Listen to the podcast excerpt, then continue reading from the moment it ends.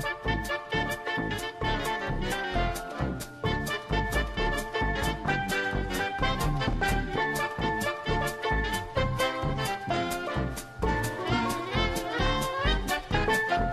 Hej välkomna tillbaka till Kultur! Kultur. Jag var du inte med Lövet. Nej. Skulle ropa i kör. Nej, gör ingenting. Det behöver inte. Du gör som du vill.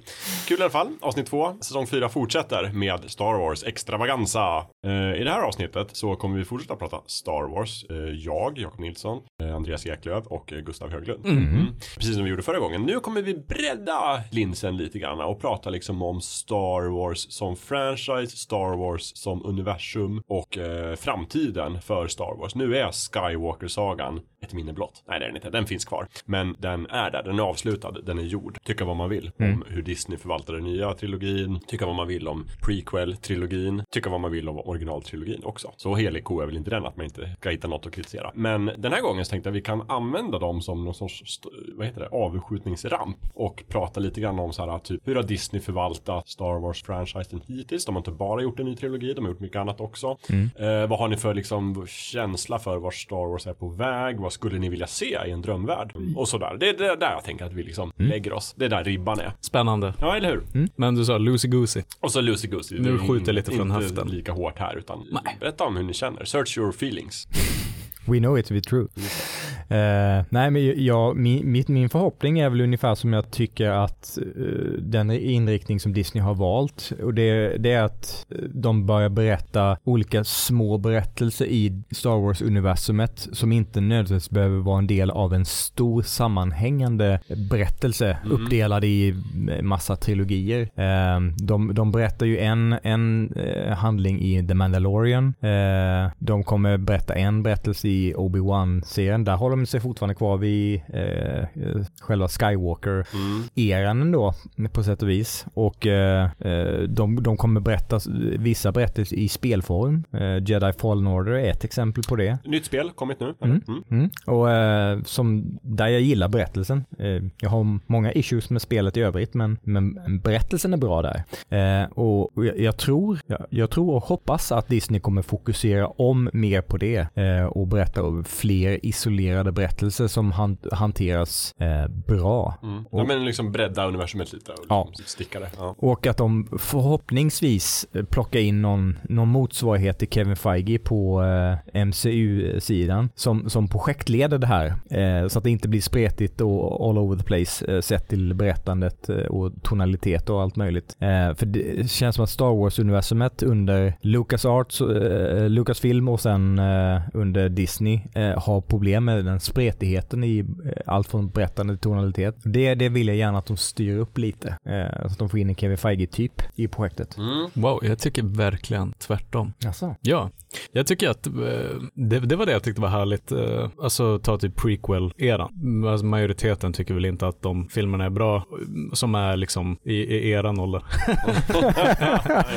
Ja, där kom Nej den. men, eh, ja, alltså bara, men vilken tid den det var för Star Wars eh, 2000 till 2010 och även innan. Alltså typ så Expanded Universe hann ju bli skitmättat ganska snabbt med böcker och serietidningar efter eh, Return of the Jedi. Ehm, men alla spel och alla böcker, Darth Bane-trilogin, Knights of the Old Republic. Det kommer skitmycket multimedia kring Star Wars som gick åt alla möjliga håll. Old Republic älskar jag. Ehm, så jag tycker om att eh, Star Wars är spretigt och att det är en annan tonalitet. Det är så Mandalorians med någon typ av eh, western-tappning av Star Wars. Eh, liksom Clone Wars, den tecknade serien, Rebels, eh, barngrejen.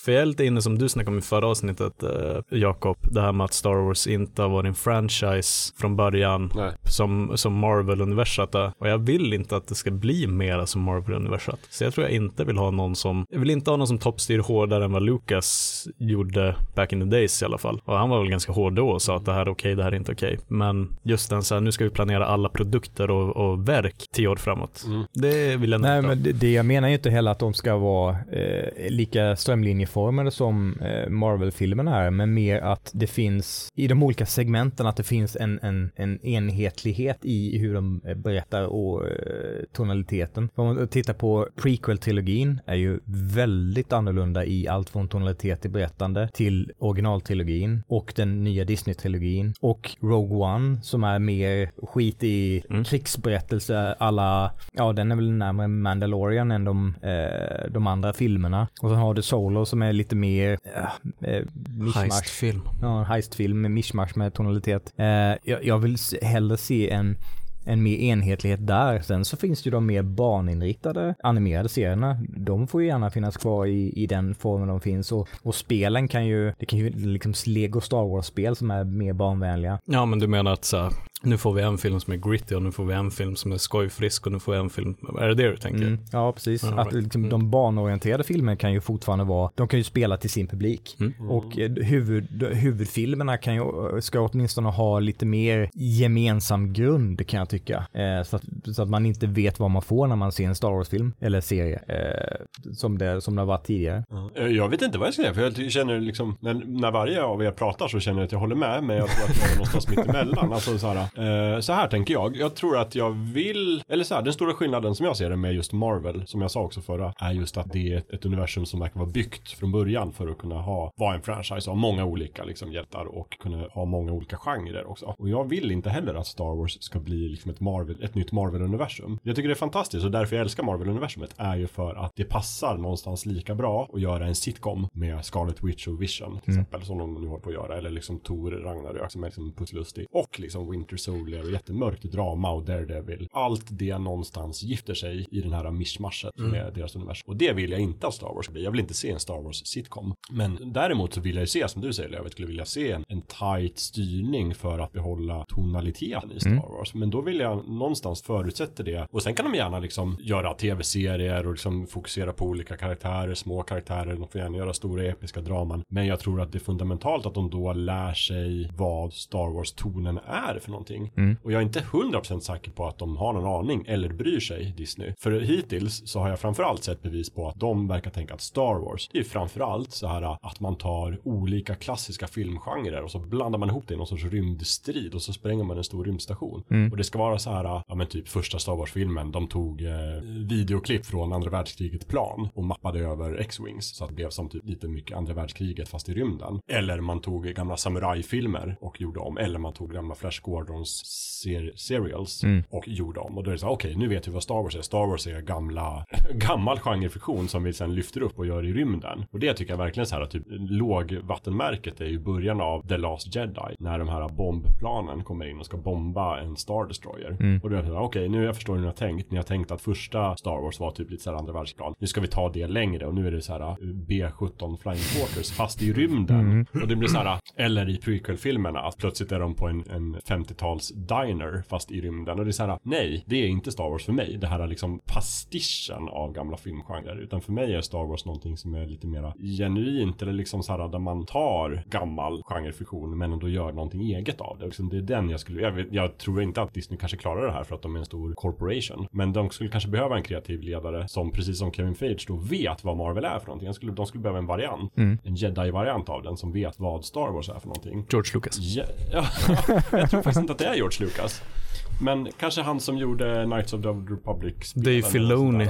Ja, ja, men Dave Filoni verkar väl vara den som kommer närmast. Han har ju gjort den här The Mandalorian som vi kanske inte ska gå in så mycket på nu eftersom att jag vet att alla inte har sett den och sådär. Jag kan eventuellt ha sett den eh, hittills. Men jag, den visar i alla fall tycker jag ändå så här att det finns någon sorts ton som många känner igen som Star Wars. Eh, och det verkar ligga någonstans i gränslandet, liksom lite rymdvästern, lite krigsdrama, lite eh, samurajfilm. Men bara in, gör det inte så sökt helt enkelt, det är det jag tänker.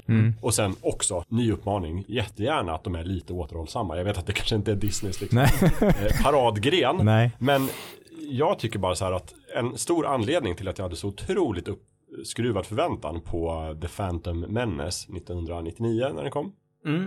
Och så otroligt låg förväntan på The Last Jedi och Rise of Skywalker är ju att då var jag verkligen svältfödd på Star Wars. Det hade liksom inte kommit någon på 100 år. Eller 20 år eller någonting sånt där.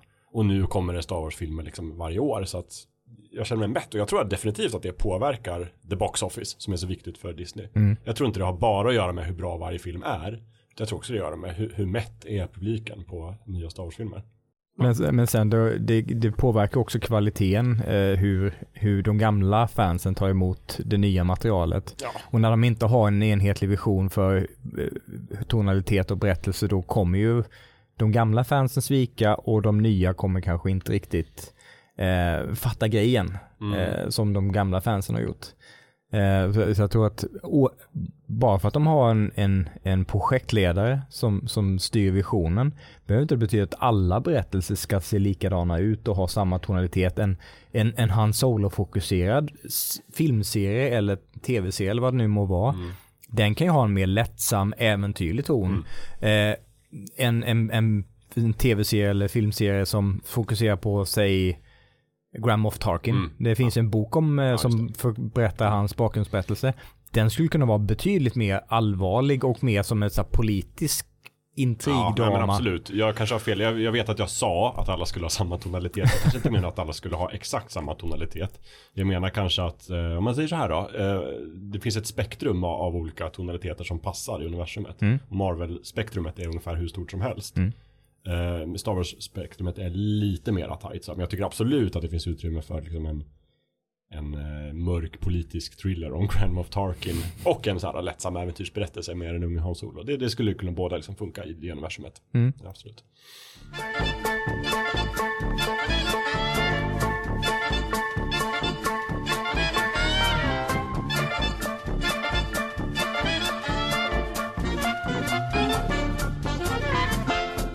Många ser ju på prequel-filmerna och säger så här Problemet med de här filmerna det är att de drog in politik. Och Nej. det håller jag inte med om. Inte heller. Nej. Jag, jag säger problemet är att de gjorde en tråkig film om politik. Så här, där det är inte politik. Det är bara man kanske inte vill se långa scener där folk sitter och, och pratar om olika handelstullar. Men jag tror definitivt att politik skulle kunna vara ett jätteintressant ämne i Star Wars. Om man gör det bra. Mm. Det tror jag. P- Problemet där är att en stor del av filmerna är ju riktade mot en yngre på målgrupp och sen drar de in politiken och hanterar det ganska dåligt. Ja. Alltså det, de spelar ju inte till någon publik riktigt bra. Men det kanske också är en breddning man kan tänka sig då om man nu vill se det så att säga. Men att man kan göra vissa Star Wars-material som är riktat mot en äldre målgrupp, kanske äldre fans Mm. som vill se en lite mer nyanserad. Men sen har de ju också kanske de här tecknade tv-serierna som är lite mer för en yngre publik, men som ändå tycker jag är riktigt bra. Jag tror det är fler, fler liksom vuxna citattecken som har kollat på The Clone Wars än vad det är Ja. barn som gjort det. Mm. tror jag. Det är ju en bra serie, visst är det? Ja, Ja, oja, oja. Um, samma sak med Rebels också.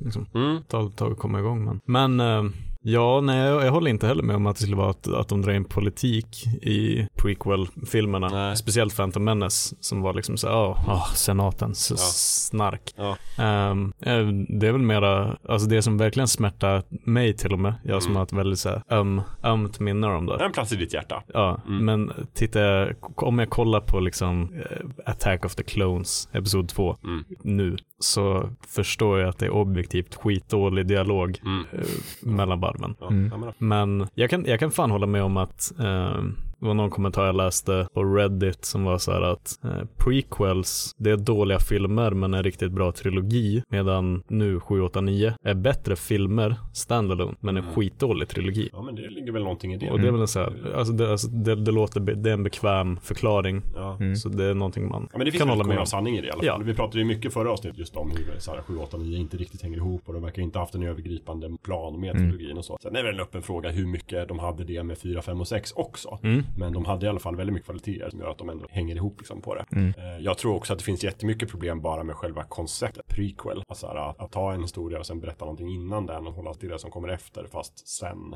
Ja, jo. Att det blir rätt rörigt. Men det skulle jag kunna prata en timme om bara varför det är De problematiskt. gjorde det bra i Rogue One förvisso. Jag trodde du skulle säga att de gjorde det bra i The Hobbit. Nej. Ja, men det, det, det, Rogue One tycker jag ändå är ett bra exempel. Jag gillade den halv mycket. Jag ser också problem med den. Ehm, men det är ju liksom, ja men okej, ja det är en prequel. Det är det ju. Mm. Eh, In between quell. in between.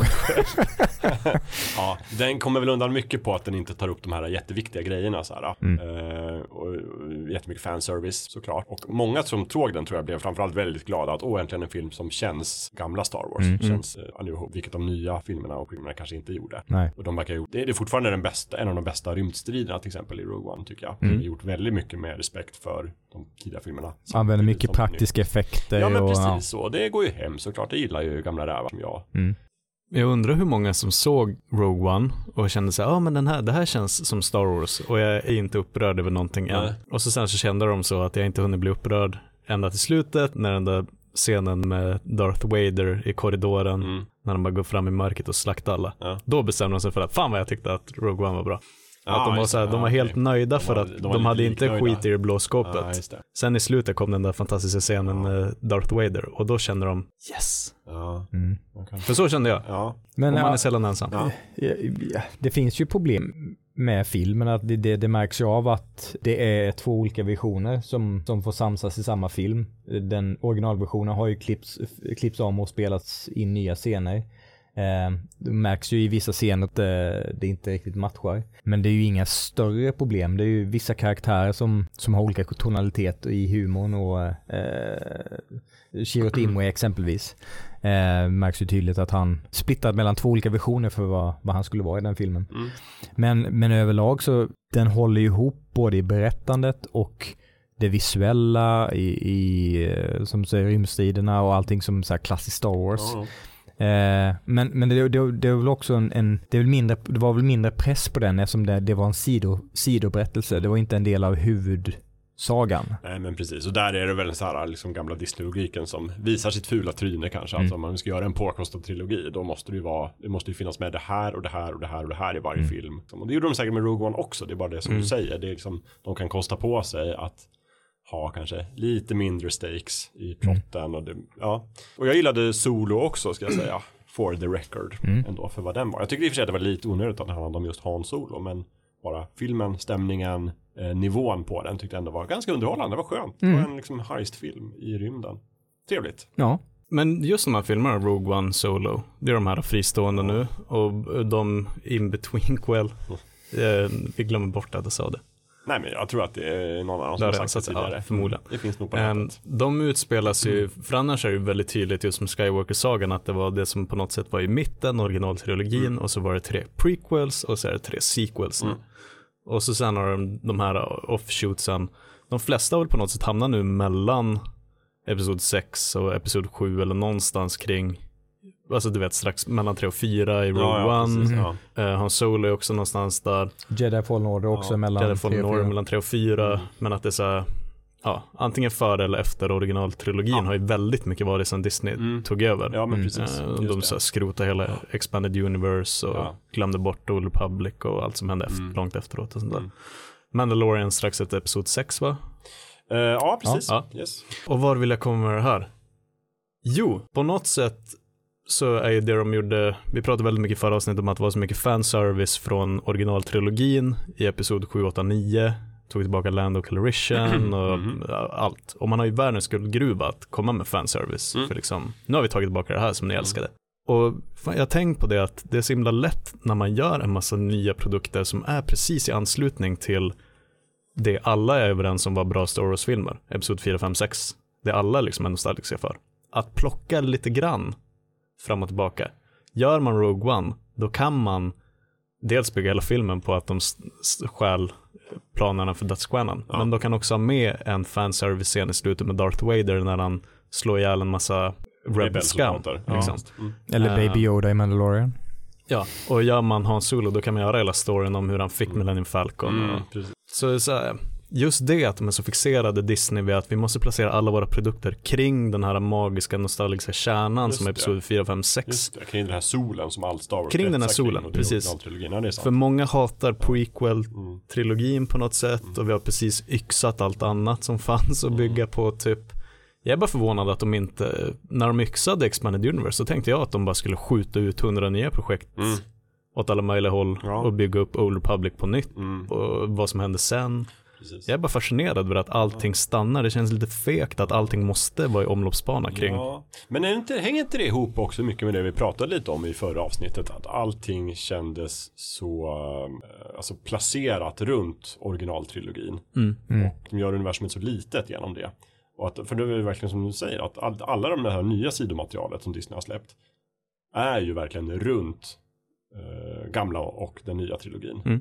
Och inte så mycket runt prequel. Och så här, men att det hela tiden är det här metakommenterandet. Att Mm. så här, vi vet att ni är fans, vi vet vad ni gillar och nu ska vi ta fram det. Och så där. Medan jag tror att kanske det, vi, det låter nu som att det vi alla skulle vilja se är att man lyckas ta sig långt bort ifrån den här solen som är 4, 5 och 6, liksom gamla trilogin. Mm. För all del, liksom gå hundratals år bakåt i tiden och prata om det. är- Det är så sökt att de Ja. alltid måste hitta nya stora rymdstationer som kan spränga planeter. Det är så, här, det är så litet, det finns så mycket annat att berätta. Och det tycker jag också så här, gamla Expanded Universe gjorde ju den också massor. Varenda liksom person som är i bild i hela den gamla trilogin har ju skrivit sen en Expanded Universe-roman om. Mm. Om det så är den här lilla, lilla fi- figuren med lång näsa i Mos Eisley kantina. Så bara, han har ett namn, han finns på Wikipedia, det finns en backstory. Här är de här böckerna som jag skrivit om just den karaktären. Vad är den där Mosquito-killen? Ja, precis. Eller det här bandet, vad han heter. Det finns ju en hel serie böcker om bara det bandet och deras så här, hur de är ute på turné. Liksom. Alltså, det är så här, ja okej, det kanske kan bli en bra story eventuellt, men så här, de har ju bara gjort det för att allting som finns i Star Wars är heligt och det ska lyftas fram och dammas av tills det inte betyder något längre. Och ska man vara kass för att det, det sålde väldigt bra. Ja men exakt. Ja. Men alltså vi gör det ju inte lätt för, om nu, det vet vi att eh, Kathleen Kennedy och gänget på Mm. Lucas sitter och lyssnar på fyllkultur. Absolut. Vi gör det ju inte lätt Såklart. för dem, för här sitter vi och bärs och säger att det, ska inte ha något med det att göra, men samtidigt är vi jättesugna på Ewan McGregor i Ja. Kenobi-serie och även nu med eh, Rise of Skywalker, hela den här grejen att Sith-planeten Exegol. Mm, mm. Jag läste jättemånga kommentarer som var så här Ah, det hade varit så enkelt, ni hade bara kunnat, att den planeten var Corriban och så hade Ja, fått ja. se den här äh, dalen med alla Ja, mörka mästare Ja. från back in the Ja, days De vill se mera upplyft från Expanded Universe. Ja, Så, ja. typ så här, för åh, Corriban är så cool Ja, ja. planet som vi har sett i spelen och i böckerna och alltihopa. Så precis. ibland Ja. ber vi ju verkligen efter att universum ska Mera vara så här litet. Vi verkar säga två saker samtidigt. Mer fanservice och mindre fanservice. Men är Ja. det verkligen det vi säger? Är det inte så här mera återhållsam fanservice men bättre fanservice? Ja. Inte det här Sofistikerad fanservice. det är som att sitta och äta en, en, en buffé. Antingen kan man ju så här plocka godbitarna och äta så här en, en god och näringsriktig måltid. Eller så kan man bara fylla tallriken till bredden och moffa i sig med hela ansiktet. Det är ju inte det vi eftersträvar. Nej, jag menar de, de, de, de kan ju vara återhållsamma och plocka eh, de där godbitarna ur ursprungssagan som inte har utforskats som är intressanta där de verkligen kan berätta någonting Mm. unikt eh, där de har en vision bakom det. Eh, och- det behöver inte vara nödvändigtvis vara, vara fel bara för att de återvänder till, till karaktärer eller planeter eller epoker under, som utspelas under den tiden. Så länge som det görs med bra fingertoppskänsla. Ja men jag tror nyckelordet du sa där är så här berättandet. Mm. Jag tror så här satsa på att göra bra berättelser och engagerande berättelser. Och det är liksom det är en klassisk vetenskap i filmskapande hur man gör så här bra engagerande berättelser, intressanta karaktärer. Gör alltid det. Om ni gör det, då får ni slänga in hur mycket liksom eh, referenser till originaltrilogin som ni vill. För då kommer man njuta av filmen. Men det känns som att de har missat den lilla detaljen. Att så här, det måste också vara så här bra berättelse. Det är därför vi gillade A New Hope från början. Ja. För att det är en förvisso simpel men ändå väldigt effektiv och bra tolkning av liksom The Hero's Journey. Mm. Det är en bra exekverad berättelse. Verkligen. Precis som att Rogue One också. Det, det är en bra, bättre exekverad berättelse än den nya trilogin. Ja, ganska bra i alla fall. Ja. Så, men, men det är så här, en helgjuten berättelse. Det behöver inte vara jättekomplicerad och nyskapande handling. Men det måste vara så här, en fundamental berättelse som håller. Där man inte sitter och funderar ut så här logiska luckor. Där man inte som gammalt fan tänker så här, bara, men hur kan TIE Fighters verkligen nu hoppa liksom i light speed? Mm. Eh, Det finns inga referenser om det. Eller sådana grejer. Och som jag vill att de ska sträva efter att jag som tittare ska glömma bort sådana detaljer. Ja. Ja. Jag, jag tittade på eh, Red Letter Medias eh, recension av uh, Rise of Skywalker. Mhm. Där diskuterar de lite det här med att Adam Driver, eh, de tyckte att liksom han, han, håller, han bär uppe eh, Rise of Skywalker med Mm. sitt skådespeleri. Eh, och han och Scarlett Johansson är ju med i Marriage Story Just det. som en fantastisk skådespelare och berättad film där de i princip sitter i rum och, och pratar. Mm. Ha, bara har dialog, inte mycket mer och lyckas göra väldigt mycket med det. Och så kopplar de det till att i eh, The Mandalorian så finns det avsnitt där de bara befinner sig i, i typ en korridor på, eh, på en rymdstation. Och det, det är bara berättandet som, eh, som håller upp karaktärerna och berättandet som håller uppe hela det avsnittet. Mm. Och att de, de, de vågar ta sig till sånt. Det behöver inte vara massvis med set pieces.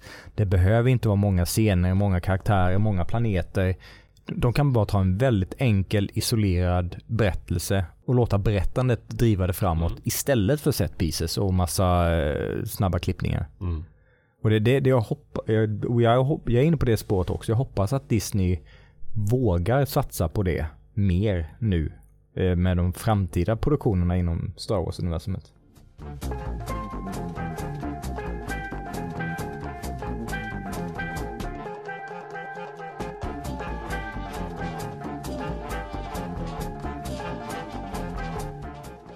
Om, jag, om, om ni fick um, så här, ehm, um, Porque no los dos, men hade ni velat ha mer grejer innan episod 1 eller efter episod 9?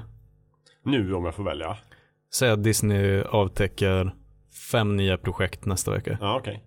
Och jag ska bestämma om de, när de ska utspela sig på den här tidslinjen. Ja, för jag tänkte om vi kan ge någon kontext för nu har vi suttit och Ja. pratat väldigt mycket Ja, men- om hur vi vill ha det.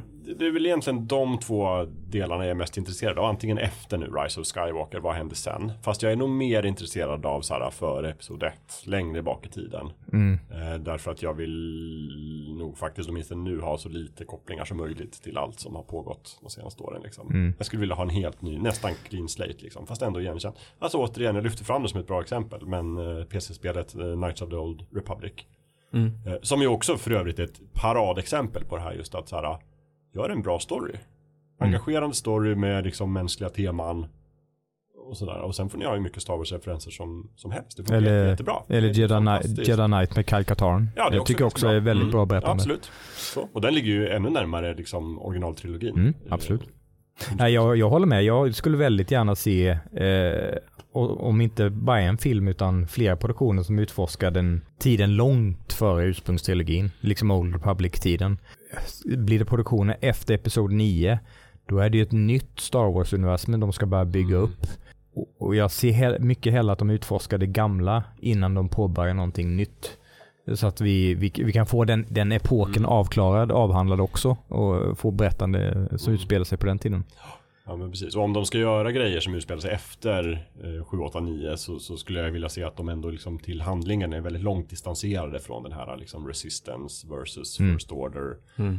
Ren, Finn, de kanske kan få dyka upp i någon sorts liten sidoroll för jag tycker ändå om karaktärerna. Mm. Det är ändå det jag gillade mest från den nya trilogin. Eh, Ray, Poe, Damien och eh, Finn. Mm. Tyckte ändå att de hade en härlig kemi, att de fanns, det fanns någonting där även om de inte alltid karaktärerna fick så mycket bra att göra i filmerna. Men jag Mm. gillade det, jag skulle Mm. gärna se mer av dem. Men annars här, typ distansera er från det här långa, episka, storslagna galaxomspännande inbördeskriget. Jag vill inte se någon ny sån, jag vill inte se liksom the second order komma och en ny Sith-lord kliva fram, utan så här, fokusera på någonting annat. Mm. Nej, ser, ser något nytt planetförstörande vapen, då kräks jag. Det, Det, det kan jag nästan dock lova att det kommer att komma. Säkert, men det, det, det känns väldigt gjort Nästa nu. steg är väl att de kan bygga in så här planetförstörande vapen i en vanlig pistol. Miniatyriseringsteknologin har ju ändå, det är det enda som har rört på sig i Star Wars-universumet. Mm. Annars är det väldigt så här statiskt i vilken teknologisk nivå de har. Mm. Du måste, men om du tyckte att Starkiller Base var att du suckade åt det i episod 7 Mm. för att de gjorde det en gång till. Du måste ju verkligen haft ett sånt too many dicks on the dance floor ögonblick nu i Rise of Skywalker när du såg så här, Ja, ja, hela men- den ja. armadan och de förklarade att alla de här har Ja, men när, när jag såg en, eh, en Star Destroyer skjuta på marken tänkte jag, jaha, ska de, ska de förstöra en, en stad som i Mm. Rogue One? Sen fortsatte den skjuta och tänkte bara, Nej, säg inte att det är ett planetförstörande vapen. Ja. Det var ett planetförstörande Ja, vapen, givetvis. Ja, men det har gått inflation i det kan man säga. Ja. men jag tycker det, det är liksom ett, ett bra exempel. För just jag kände också så i Rise of Skywalkers. Okej, visst planetförstörande vapen. Även om jag skulle köpa det, vilket jag inte riktigt gjorde, så bara så här, det är för många Star Destroyers för att man ska Mm. bli. De tar i så de spricker, och det blir för mycket, jag bryr mig inte. Nej. Jag tycker det är mycket mer dramatiskt och engagerande om de håller det liksom på en liten skala. Mm. I solo eller i ja, Rogue One som var ändå halvstor episk skala. Men liksom så här, just det här lilla dramat. Jag älskar filmer som vågar göra det. Och inte känner så här, bara, vi måste spränga en hel stad eller vi måste ha en alien invasion eller vi måste ha en, en Death Star. Eller. Det är därför jag gillar, det jag tycker är bäst med Solo. För samma fråga till mig så hade jag nog också sagt på något sätt före. För att Mm. allting vi vana efter det är att på något sätt så kommer Imperiet tillbaka. För jag tycker att på något sätt är Star Wars som bäst. Jag fattar att originaltrilogin kommer alltid vara liksom att allt står på spel och det är Mm. Imperiet mot rebellerna och sånt där. Men annars så tycker jag att Wars är som bäst när liksom the stakes are low. Um, och det finns liksom, det är ett etablerat universum är väldigt tydligt. Antingen är det republiken som styr allting eller så är det imperiet som styr allting. Mm. Och i Solo är det verkligen så. Det är inte pang på direkt efter episod 3. Så det är inte den här, uh, det är en väldigt turbulent tid Nej, uh, och folk gömmer sig och sådär. Utan det är verkligen så här, imperiet styr Mm, fan. precis. och han blir liksom. Mm.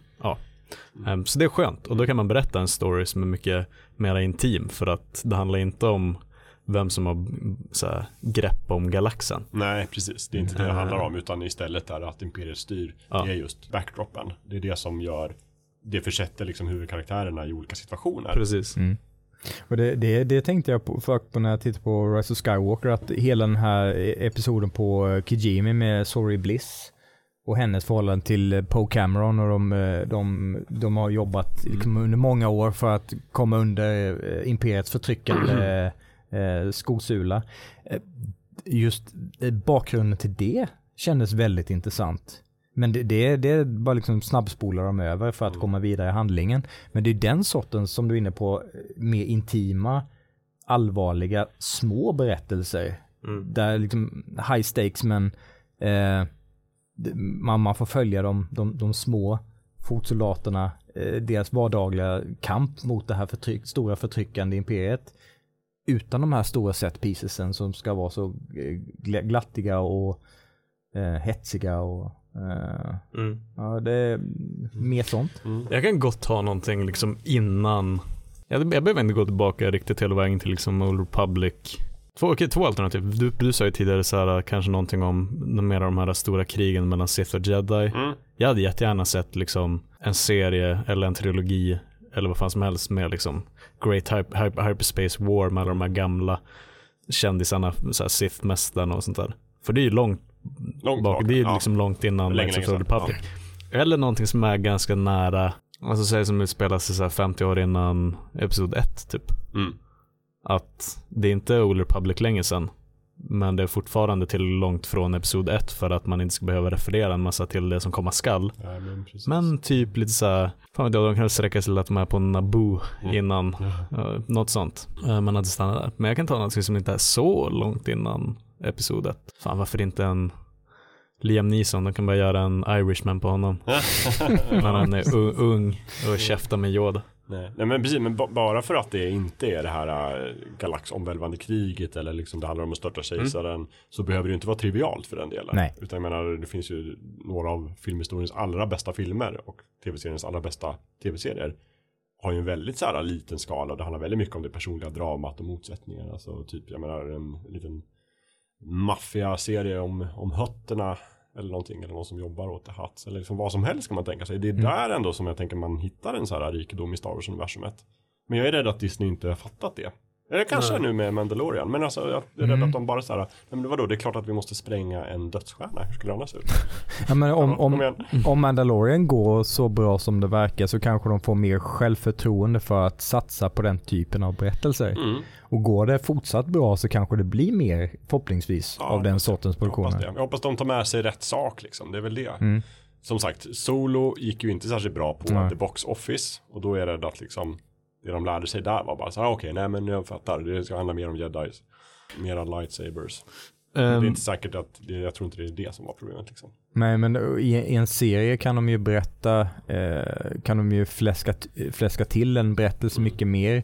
Eh, och det kanske, den sortens sidoberättelse kanske lämpar sig bättre Ja, för en serie där du får kanske. utrymmet för att utforska. Absolut. Berättandet mer. Ja, bring, jag, samtidigt så är jag glad att um, tv-serier med Star Wars-tema som inte är animerade, liksom eh, att de har väntat på sig Mm.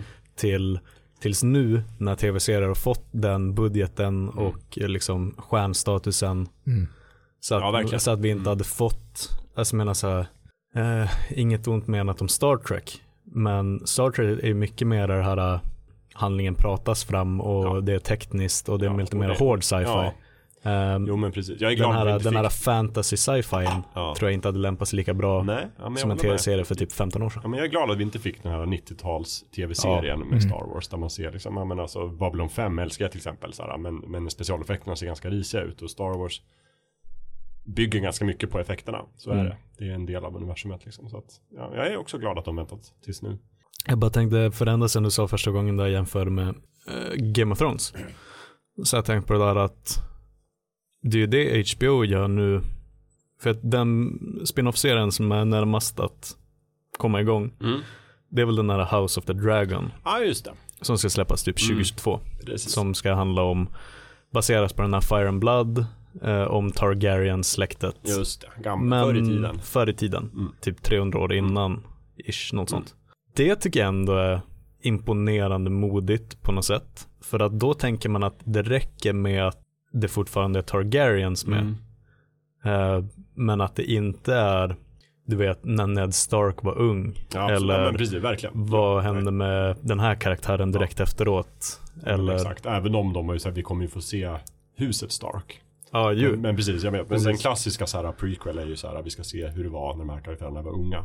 Jag menar, det tycker ja. jag är dåligt. Mm. Att det inte är så här, nu ska vi ta reda på hur Han Solo fick Millennium Falcon. Ja. Eller nu ska vi, för det känns som att, du vet, om, om eh, 20 år, Mm. då kommer det att vara så här, eh, nu ska vi se hur det gick till när Poe Dameron gjorde det här innan Mm. episod 7. Alltså att de kan bara rehasha det Men, tänket men det är också vidare. det som, när jag sa att jag gillade Solo så sa jag att jag tyckte det var ganska onödigt att det handlade om Han Solo. Ja. Och det är det jag tycker är sämst med den filmen, är att det är en prequel om Han Solos liv. Och, och där får vi se hur han vann Millennium Falcon, vi får se hur han gjorde den här uh, Kessel Run. Vi Parsec-grej. får, se, vi får egentligen se allting som han har nämnt att han har gjort i Mm. Och inget här- av det vi inte Och visste. det är så här, i, i originaltrilogin så är det så här, ah, han berättar om att han har varit med om en massa saker och det visar att han är liksom en, en intressant person som har varit med om väldigt mycket. Mm. Men det visar sig sen i prequel att allt det hände i en och samma film. Allt han har gjort är liksom på en timme och 40 minuter. Varenda sak han någonsin har refererat hände precis den gången. Och då är det så här, fast då blev ju Hans Solos liv tommare. Fattar hur många gånger han berättar den där storyn då. Ja. Han lever på gamla meriter. Men så det enda du har gjort är de här tre grejerna. Det är så som Al Bundys eh, fyra touchdowns eh, i en match. Och det, är, och det är lite det som är mitt, mitt prequel-problem. Så är det ju The Hobbit också. Att så här, Mm. allt som händer i prequel-filmen är någonting som vi sen har hört refereras i senare. Det, är så här, det, det blir som en bakåtvänd tratt. Liksom. Det, det ska göra världen rikare, fast det gör det inte det. Det gör den mer begränsad och mindre. Och det är bara så här, nej men sluta. Sluta. Förstöra. Mm. Och det är ju, då är det därför jag blir arg på prequel. Och, det- och det gör ju faktiskt en, de här Star Wars prequelarna med stort P Mm. är ändå hyfsat bra. Alltså det är klart de gör Ja. mycket så också. Men de fyller också den med mycket annat. Men och det är nästan någonting, bara, vi pratar mycket om fanservice och jag tycker nästan att ett argument för att göra mera liksom verk på saker som hände innan ehm, episod 1 eller innan på något sätt Mm. är bättre än efter. För att det, det jag tyckte att episod 7, 8, 9 led av är att det är så lätt att göra fanservice i en uppföljare. Då, då plockar man bara in liksom Lando Calrissian igen och skådisen har blivit gammal och man plockar in Harrison Ford igen och det är, så, det är så lätt att göra det på det sättet. Men prequel fanservice, det är ju på något sätt att man får veta varför den där personen saknade en hand Mm. och man fick veta varför, alltså det är den typen av fanservice-grepp man jobbar med Mm. och det tycker jag inte blir lika liksom det sticker inte ögonen på samma sätt. Mm. För då slipper vi att vi har betalat Harrison Ford 40 miljarder dollar och nu måste vi ge honom någonting, någonting att göra i den här filmen. Ja, nej.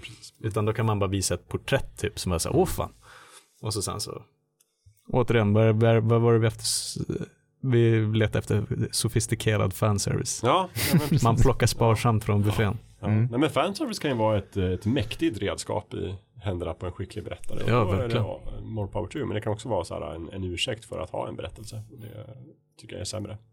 Ett plåster framförallt. Man, Ja. har, man har råd att berätta en sämre historia för att Mm. man jobbar med nostalgikorten blir, det blir en istället. klycka för berättandet. Ja men precis. Och det är också som vi pratade mycket om i förra avsnittet just att, att det är väldigt mycket fanservice i Rise of Skywalker som känns som att okej fast det här tog upp väldigt mycket plats och tid i Mm. en redan överfull film som ni istället hade kunnat använda på typ att få storyn riktigt bra. Mm. Mm. Ja, det, eh, jag, nu sa vi inte det i, i förra avsnittet men den här scenen när eh, Kylo Ren slänger upp en mellanchef i taket. Jaha. Det, det är direkt kopplat från, eh, eller taget från ursprungstrilogin. Mm. Och det är bara för att vi ska få en sån scen där. Eh, och det, det är så onödigt. Och det, den sortens Mm. fanservice skadar ju mer än det tillför. Nej men vi, vi förespråkar någon sorts måttfullhet känner jag ändå. Måttfullhet och stil. Och kunnande. Gör det bara bra helt enkelt. Det är Ja. råd. Så får ni göra vad ni vill. Eh, nej men man kan ju alltid kolla på en bra film tänker jag. Ändå. Oavsett hur mycket eller hur lite det har med en tidigare film att göra. Mm. Men det nyckelordet är att den måste vara bra. Och då Ja. tror jag ändå nyckel, en, en, en viktig del är där att kanske inte mata inte ut filmer i liksom jättehögt tempo för då kommer en del bli dåligt liksom. Utan Mm. så här, dra ner på tempot lite tycker jag. Och jag tycker också by all means, filmerna ska man vara väldigt återhållsam med. Men och ni får gärna ha liksom en eller två tv-serier på gång hela tiden så länge ni också har gott om uppehåll mellan säsongerna. Mm. Och liksom för all del trycka ut spel och böcker och liksom så här. Jag tänker att man kan tillfredsställa fansen på olika nivåer. Mm. För jag hoppas nu att de faktiskt tar ett litet uppehåll med nya Star Wars-filmer. Men de får jättegärna liksom om några månader släppa något stort jättepåkostat Star Wars-spel eller någon annan. Något Alltså annat nya verk, liksom. böcker. Ja, Mm. men visst, gör det för all del. Det, beh- det är lättare att ignorera på något sätt. Men, men konceptet med en ny Star Wars-film, i alla fall för mig, är så här att man måste gå och se den. Mm. Och då är det också så här, visst jag ska gå och se, även om ni släpper en varje jul så kommer jag gå och se dem. Men jag kommer att gilla dem väldigt olika mycket. Mm. Jag, jag gillar Star Wars bäst när jag är lite så här hungrig på Star Wars. Ja. Ja, nej verkligen. Fyll på med andra mediekanaler. Än, lå, låt filmerna vila. Mm. Tillåt. Och det verkar ju som att det är det inriktningen också, att de, de har ju berätt, berättat en handling i Jedi Fallen Order som de förmodligen kommer fortsätta med i en, i en uppföljare. De har Mandalorian och de, Mm. det är lite olika sidospår som förhoppningsvis fokuserar de ist- istället för att plocka någon sidokaraktär eller sidoberättelse som ja men det, det, det, det är intressant för fansen Mm. av originaltrilogin sådär. Att de hittar en, det här är en intressant berättelse i Star Wars-universumet. Mm. Den vill, liksom, vilken showrunner det nu än handlar om. Det här vill jag verkligen berätta. Jag har en jättebra idé om hur, hur jag ska berätta den här nischade handlingen i Star Wars-universumet. Mm. Nu vill jag liksom, få realitet av den här idén. Eh, jag hoppas att de inriktar sig mer på det nu än att, åh vilken, vilken viktig fanservice-idé kan vi göra om till tv-serie eller film. Jag menar såhär släpp flaggskeppstänket. Att det måste vara en nynumrerad titel. För att det ska vara stort att vara Star Wars. Mm. Men sen nu, fan, men fan, jag tror att de har nu med Disney Plus ehm, så har de ju för första gången liksom en, en riktig som första partsplattform att publicera den typen av så spännande serier Mm. som Mandalorian. De är inte knutna till bio längre. Nej, Nej. Eh, och, och det öppnar ju upp mycket bättre för att, eh, alltså som du säger, så här, låt, låt, låt filmerna vila ett tag och släpp ett par serier. Ehm, och jag, jag, skulle, jag inbillar mig att de vill ha ett väldigt så här, stark presence av Star Wars på Disney Plus. Och att det inte bara blir den här, minns ni de här gamla klassikerna typ? Mm. Ni, kan, ni kan alltid titta på Star Wars-filmerna på Disney Plus Mm. utan att på Disney Plus det är tjänsten där det kommer nytt Star Wars-material för att det är fortfarande ett av världens största liksom, så här, varumärken. Mm. Så om ni vill se den nya Star Wars-serien, prenumerera på Disney Plus. Mm. Precis. Inte så här, tyvärr kan du inte titta på Episod 4, 5, 6 någon annanstans. Ehm, så det är bara att hålla tummarna typ. Mm. Det, det skulle ju kunna bli så att det blir den omvända processen att de, de berättar olika historier som blir eh, populära på Disney Plus och så, så skapas filmer utifrån det de har skapat på sin egna plattform. Som säger El Camino, Breaking Bad. Till slut. Ja men lite, lite åt det hållet att det som verkligen funkar, det som en ny publik verkligen gillar på Disney Plus, det blir grundmallen för att de ska göra nya filmer. Mm. Istället för att de förankrar det i de gamla filmerna eh, som, som ska vara avslutade nu. Eh, det tror jag ändå är en bättre strategi för Disneys del. För de, de vill ändå ha en ny publik nu. De, de kan inte förlita sig på den gamla, vi, oss gamla rävar hur länge som helst. ändå.